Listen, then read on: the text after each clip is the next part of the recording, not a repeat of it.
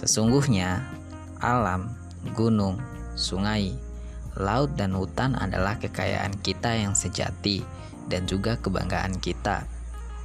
Dia menopang keseimbangan ekosistem alam dan menjaga kelangsungan hidup dunia, termasuk manusia dan generasi selanjutnya.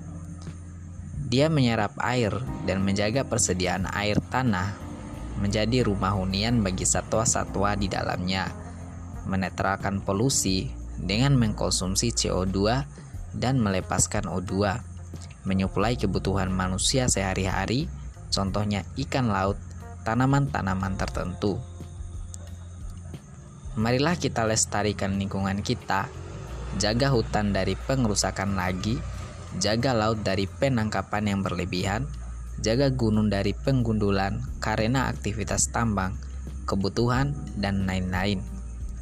Jaga sungai dari pencemaran limbah pabrik yang mematikan ikan-ikan di dalamnya. Jangan tukar kelestarian lingkungan kita dengan kepentingan pribadi, contohnya kekayaan, kesenangan, dan kenyamanan. Jika kita melestarikan alam, maka suatu saat nanti kita atau generasi penerus kita juga yang akan menikmati hasilnya.